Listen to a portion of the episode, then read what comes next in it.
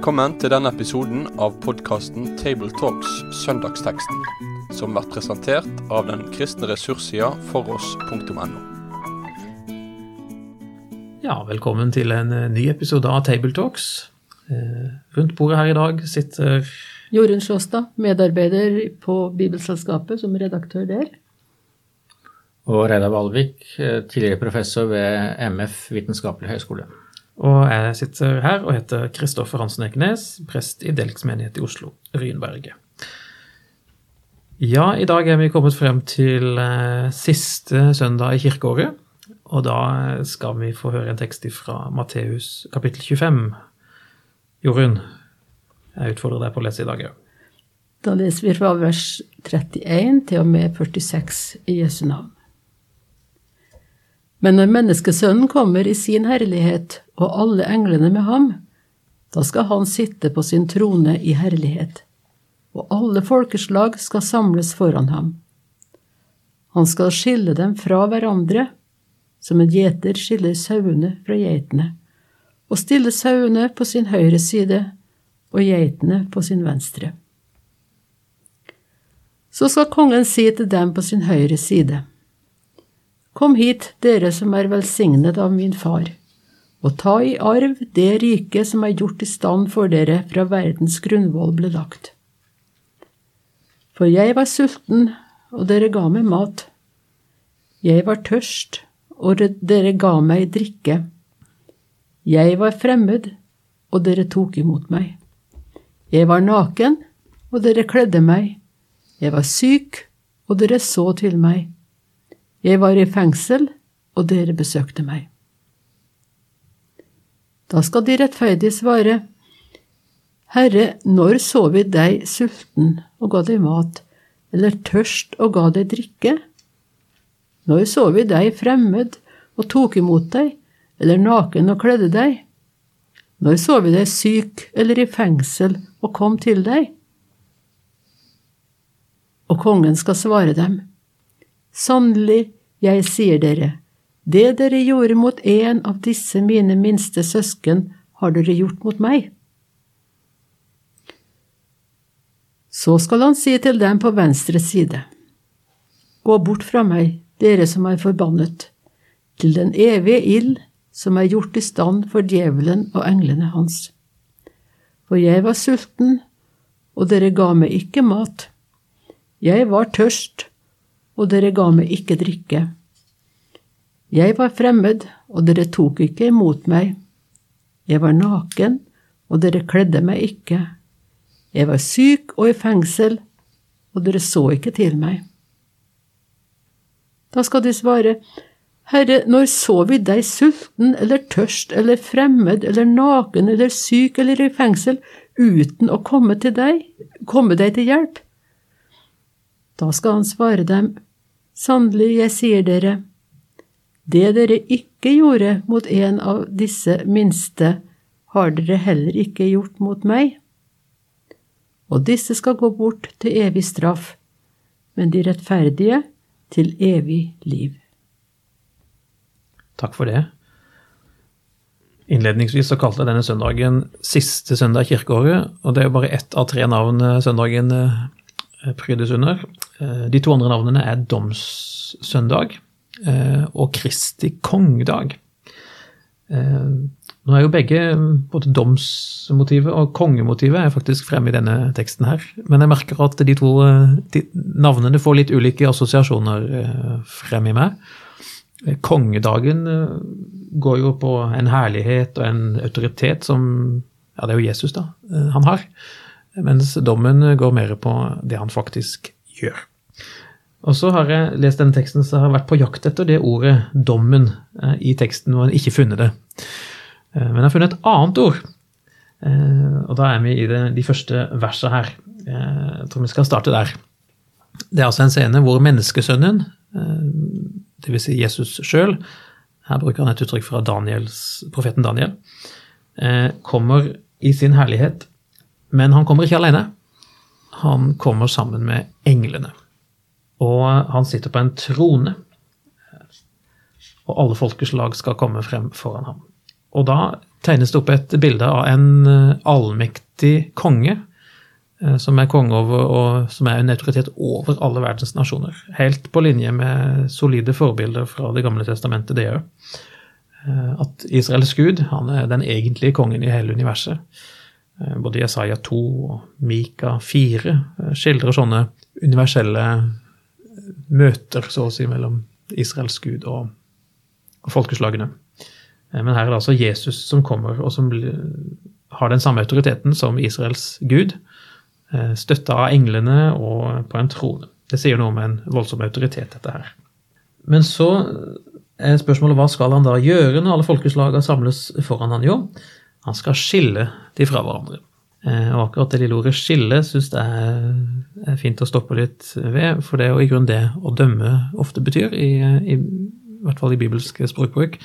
Eh, å skjelne eller å, å, sette et skille, eh, sånn at man får frem den ene og den andre siden, så å si. Og her er det snakk om sauer og geiter. Sauene er jo Det er veldig mye symbolikk og bildebruk lada i disse ordene. Sauene tenker på den gode hyrden, Gud som hyrden. Sauene som Israels folk. Geitene er ofte et uttrykk for folkeslagene, dvs. Si hedningene. Ehm, nå er det vel ikke akkurat det som menes her, men det tror jeg vi skal komme litt tilbake til senere. Men det er i hvert fall det som skal skje. Jesus kommer igjen, og han skal eh, stille opp to grupper mennesker. Eh, og så skal det altså gjøres et avgjørende skille mellom de. Ehm, og da er vi så å si inne i teksten allerede. Ja, hva skal vi si om dette? Hvor skal vi fortsette? Det er, det er ganske ja, si voldsomme saker, dette. Ja, vi kunne jo begynne med det enkle spørsmålet som kanskje dukker opp. Eh, betyr dette her at vi blir frelst ved gjerninger? Ja, det har jeg jo lurt på.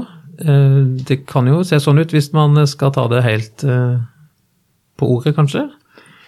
Ja, øh, Men det er i hvert fall ikke jeg vant til å tenke at det er sånn det henger sammen? Nei, det er neppe det. Og jeg tror vi bare må si det klart at øh, denne teksten lærer selvsagt ikke noe annet enn det Det nye testamentet ellers lærer. Altså, det lærer ikke øh, at det er frelse ved gode gjerninger som er Jesu budskap.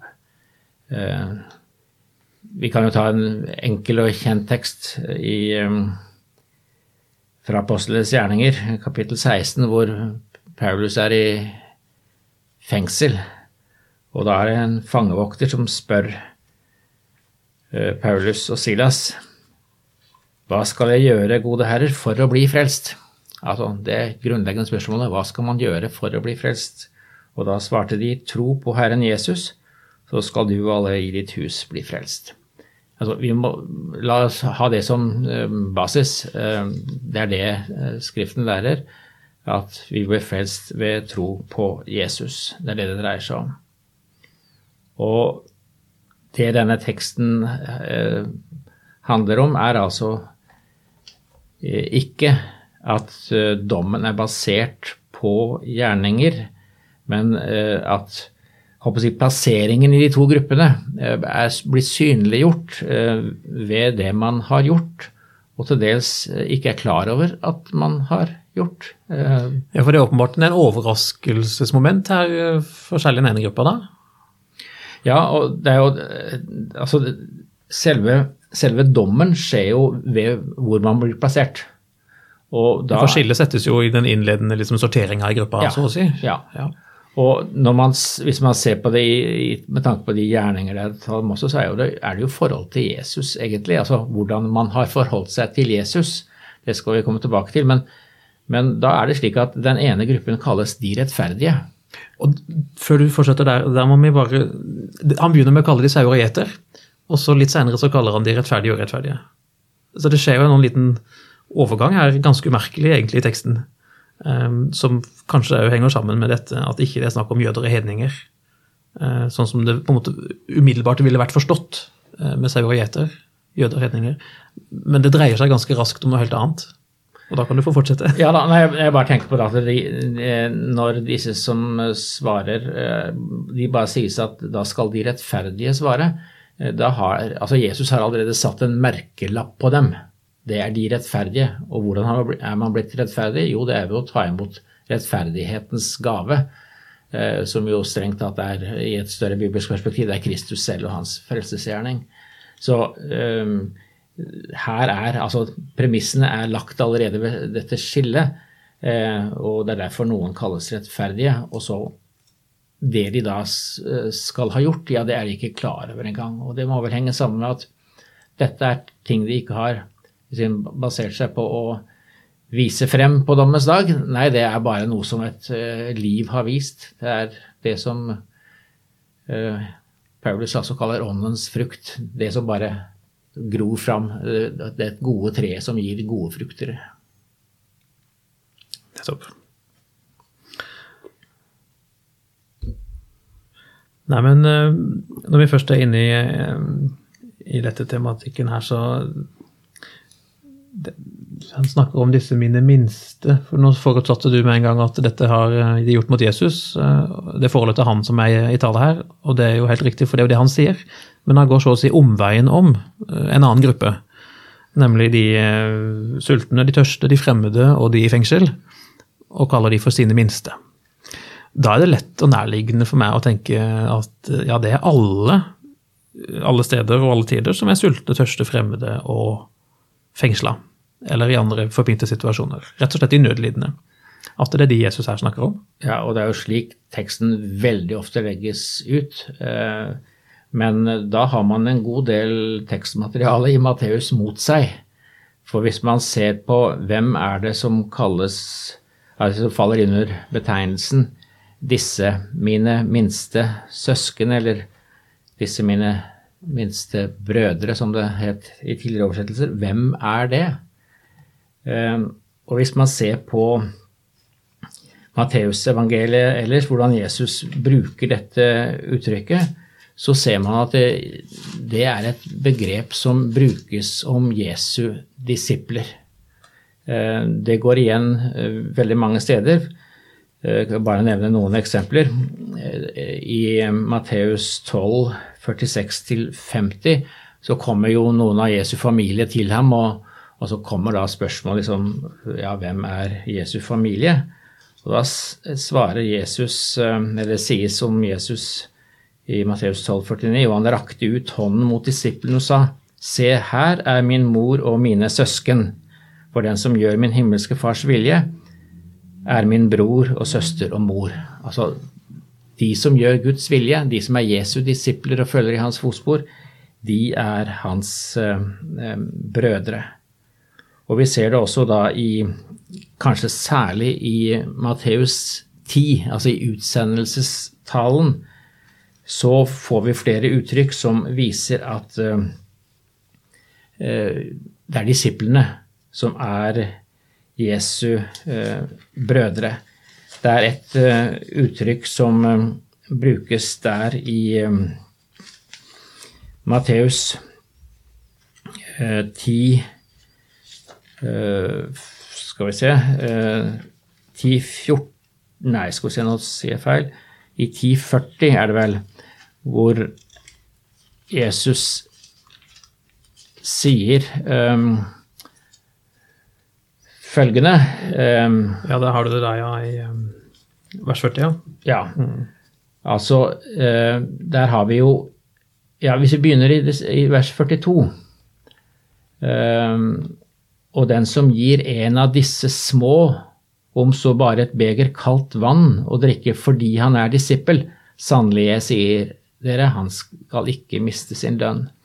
Altså, og her taler altså Jesus om disiplene som er sendt ut, og de som tar imot disse bare med å gi dem et kaldt, beger med kaldt vann, fordi han er disippel. Han skal få sin lønn.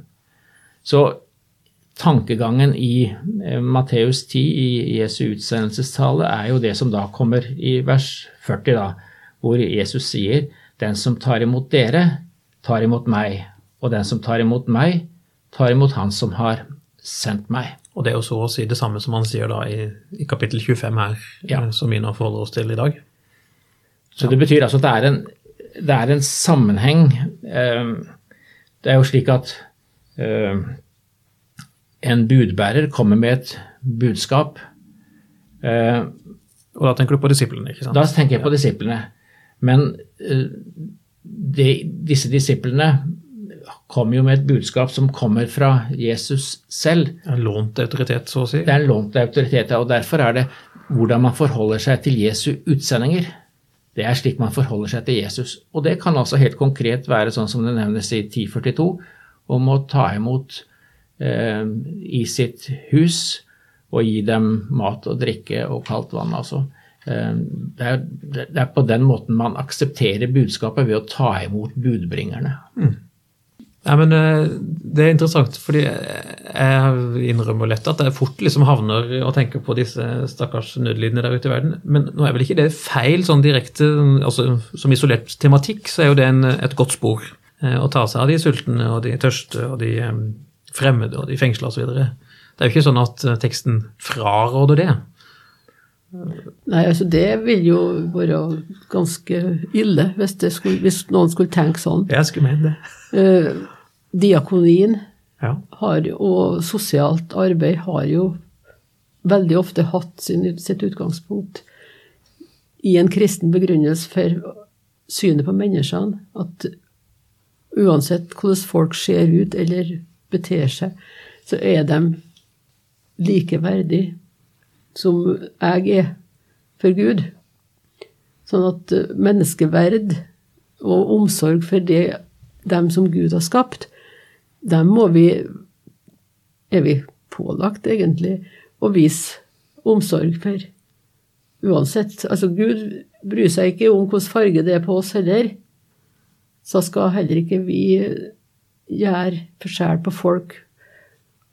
Og gjøre det ikke for å tekkes Gud, men fordi at Gud er glad i oss og har vist oss sånn omsorg først. Ikke sant? Og det, det, det blir vi ganske fort enige om. Men det vi altså da lærer nå, er at det er jo ikke denne teksten her som er egentlig det beste argumentet for en sånn holdning. Eh, Men det finnes selvfølgelig masse andre tekster. Eh, Så det er noe litt annet vi egentlig er satt til å forkynne denne dagen. Eh, Når vi da nærmer oss ja, Matteus 25 og dette med mine minste. Ja, jeg tror jo jeg må understreke altså at denne teksten strengt tatt, i, særlig i lys av Matteus 10, eh, understreker at det er forholdet til Jesus via forholdet til hans budbringere, og dermed også forholdet til selve Jesu forkynnelse, som er det som avgjør hvor man blir plassert på, på dommens dag. Ja, for Hvis vi nå skal ikke sant, bli nettopp dette domsscenarioet, så, så virker det jo Vi var litt innom det i stad, er det frelse ved gjerninger, eller hva er dette for noe? Det virker jo litt vilkårlig, på en måte, hvis noe, en handling man ikke vet om at man har gjort, blir utslaget for hvilken vei det går, hadde jeg sagt eh, til slutt. Teksten fremholder for det første veldig tydelig læren om to utganger på livet. Det er jo kontroversielt nok eh, etter hvert. Eh, Og det blir kanskje ikke bedre hvis man tenker at det er helt vilkårlig hvor man havner, men det er jo nettopp det det ikke er. Det handler jo, som du sier, altså det er Jesus vi kommer tilbake til.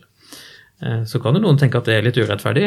Eh, Hadde det ikke vært fint hvis alle som hadde vært snille med de sultne og fattige og sånn, hadde fått lov til å komme på riktig side? Jo, det hadde de jo på en måte, men eh, det er ikke sånn Bibelen lærer oss at Gud eh, opererer. Så her får vi skille mellom ønsketenkning og eh, realitetenes verden, tror jeg. Men la oss komme litt tilbake til dette med de to utgangene. Det kan vi ikke sagt så mye om. Ehm, som sagt, eh, litt kontroversielt eh, etter hvert har det blitt. Om jeg har vært litt innom det i en tidligere episode, at eh, noe, noe av grunnen til det kanskje skyldes de forestillingene som fortapelsen er omgitt med i vår kulturkrets. Ehm, men det sies jo ganske sterke ting her. Evig straff og evig liv. Klart, evig straff høres jo Hvordan skal vi se for oss dette? Eh, Det kunne vært nyttig å sagt noe om, kanskje.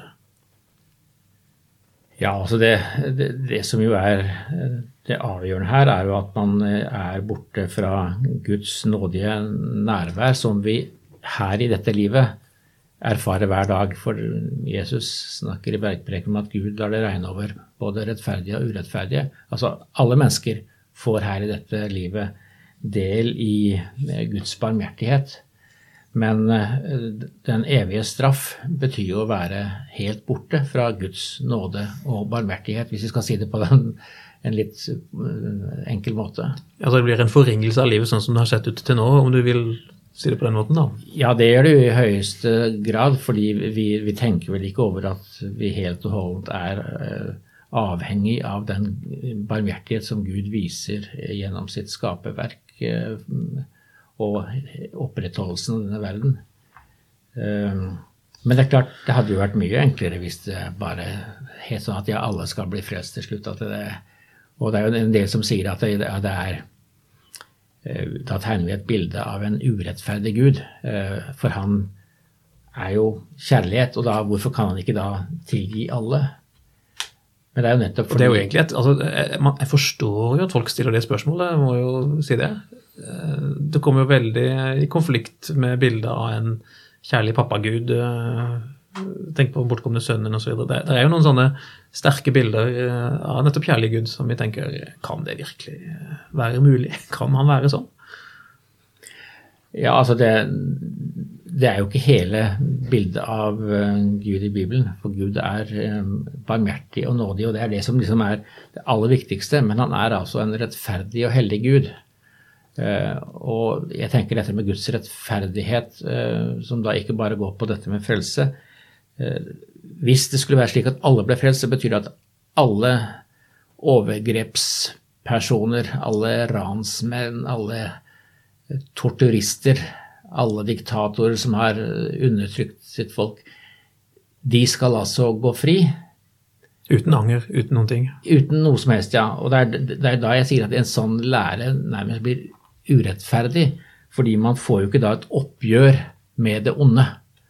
Og det er jo det som ligger eh, i, i dommen, at det tas et uh, oppgjør med det onde.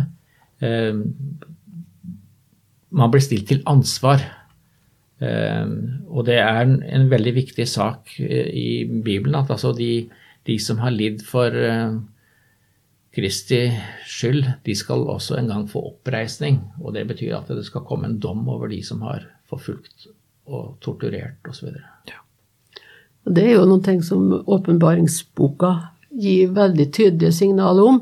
Og en av lesetekstene her i søndagen er jo nettopp fra Johannes' åpenbaring 20 Fantastisk kapittel. Med en, eh, der er det, og igjen, kommer det igjen en trone, da.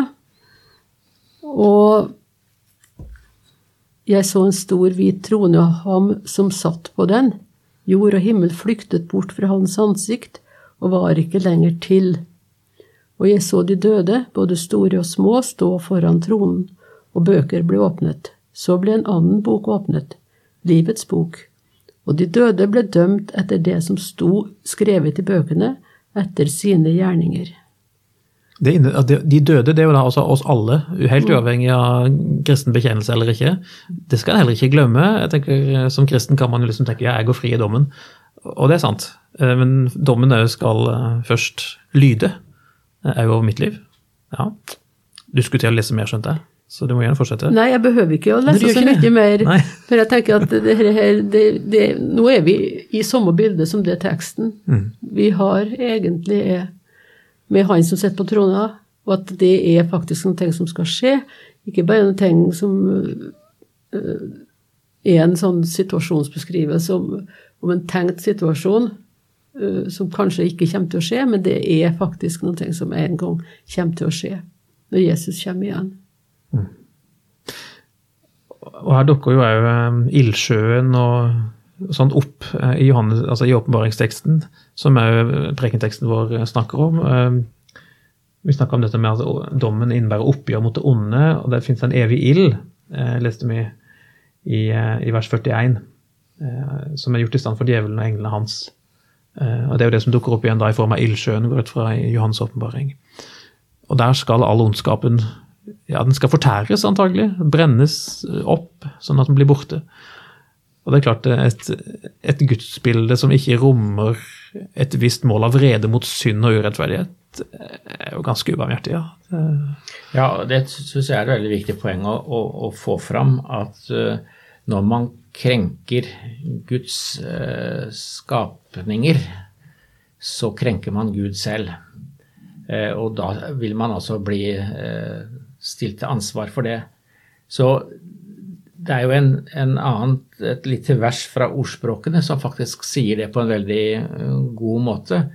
hvor det heter i ordspråkene 17.5 Den som spotter den fattige, håner hans skaper. Den som gleder seg over ulykke, slipper ikke straff. Altså, det er jo noe det som en slags eh, kobling mellom skaperen og våre medmennesker, den er også bibelsk. Selv om altså Matteus 25 ikke privært handler om alle mennesker, så er det også et bibelsk perspektiv at det å gjøre noe mot eh, våre medmennesker, Guds skapninger, det har også med forhold til skaperen å gjøre. Og da unngår man ikke straff hvis man altså eh, gjør det som er urett mot eh, medmennesker. Så disse tingene henger sammen. At Gud eh, har en slik omsorg for sine skapninger at han også vil stille folk til ansvar og ha en rettferdig dom. Jeg har etter hvert vent meg til den tanken litt, hvis det går an å si det. Og opplever at det er ganske håpefullt uh, at Gud har tenkt å stille oss alle egentlig ansvarlige for, for ondskapen. Um, selv om det på et nivå skurrer litt fordi han blir så streng og han blir så, så, så definitiv. Um, men det må han jo nesten være. Men så er det likevel håp akkurat der. Olav Skjevesland har skrevet i en kommentar til denne teksten at underet er at dommeren har tatt på seg dommen. I møte med dommen, så for den som hører til og kjenner Jesus og tror på han, så, er, det, så er dommen nødvendig. Men ja, dommeren sjøl går i mitt sted og lar meg fri, gå fri fra den eh, rettferdige dommen som skal felles over mitt liv en dag. Ja, det er jo det som er kjernen i evangeliet. Ja. At uh, den dommen som alle mennesker egentlig er uh, skyldig til, den har eh, Kristus eh, tatt på seg. Han døde for oss. Det er jo det som er evangeliet, som, som Luther sier. Evangeliet ligger i disse ordene 'for oss'. Ja, det kjennes ut som et veldig oppbyggelig sted å slutte etter å ha eh, gått gjennom en tekst som jo rommer en del spenning og store bilder. Han gjorde det for oss, det er helt sant. Takk for følget, og eh, vi ønsker lykke til til alle predikanter og andre som har oppdrag med denne teksten. Med det sier vi takk for følget for denne gang. Finn flere ressurser, og vær gjerne med å støtte oss på foross.no.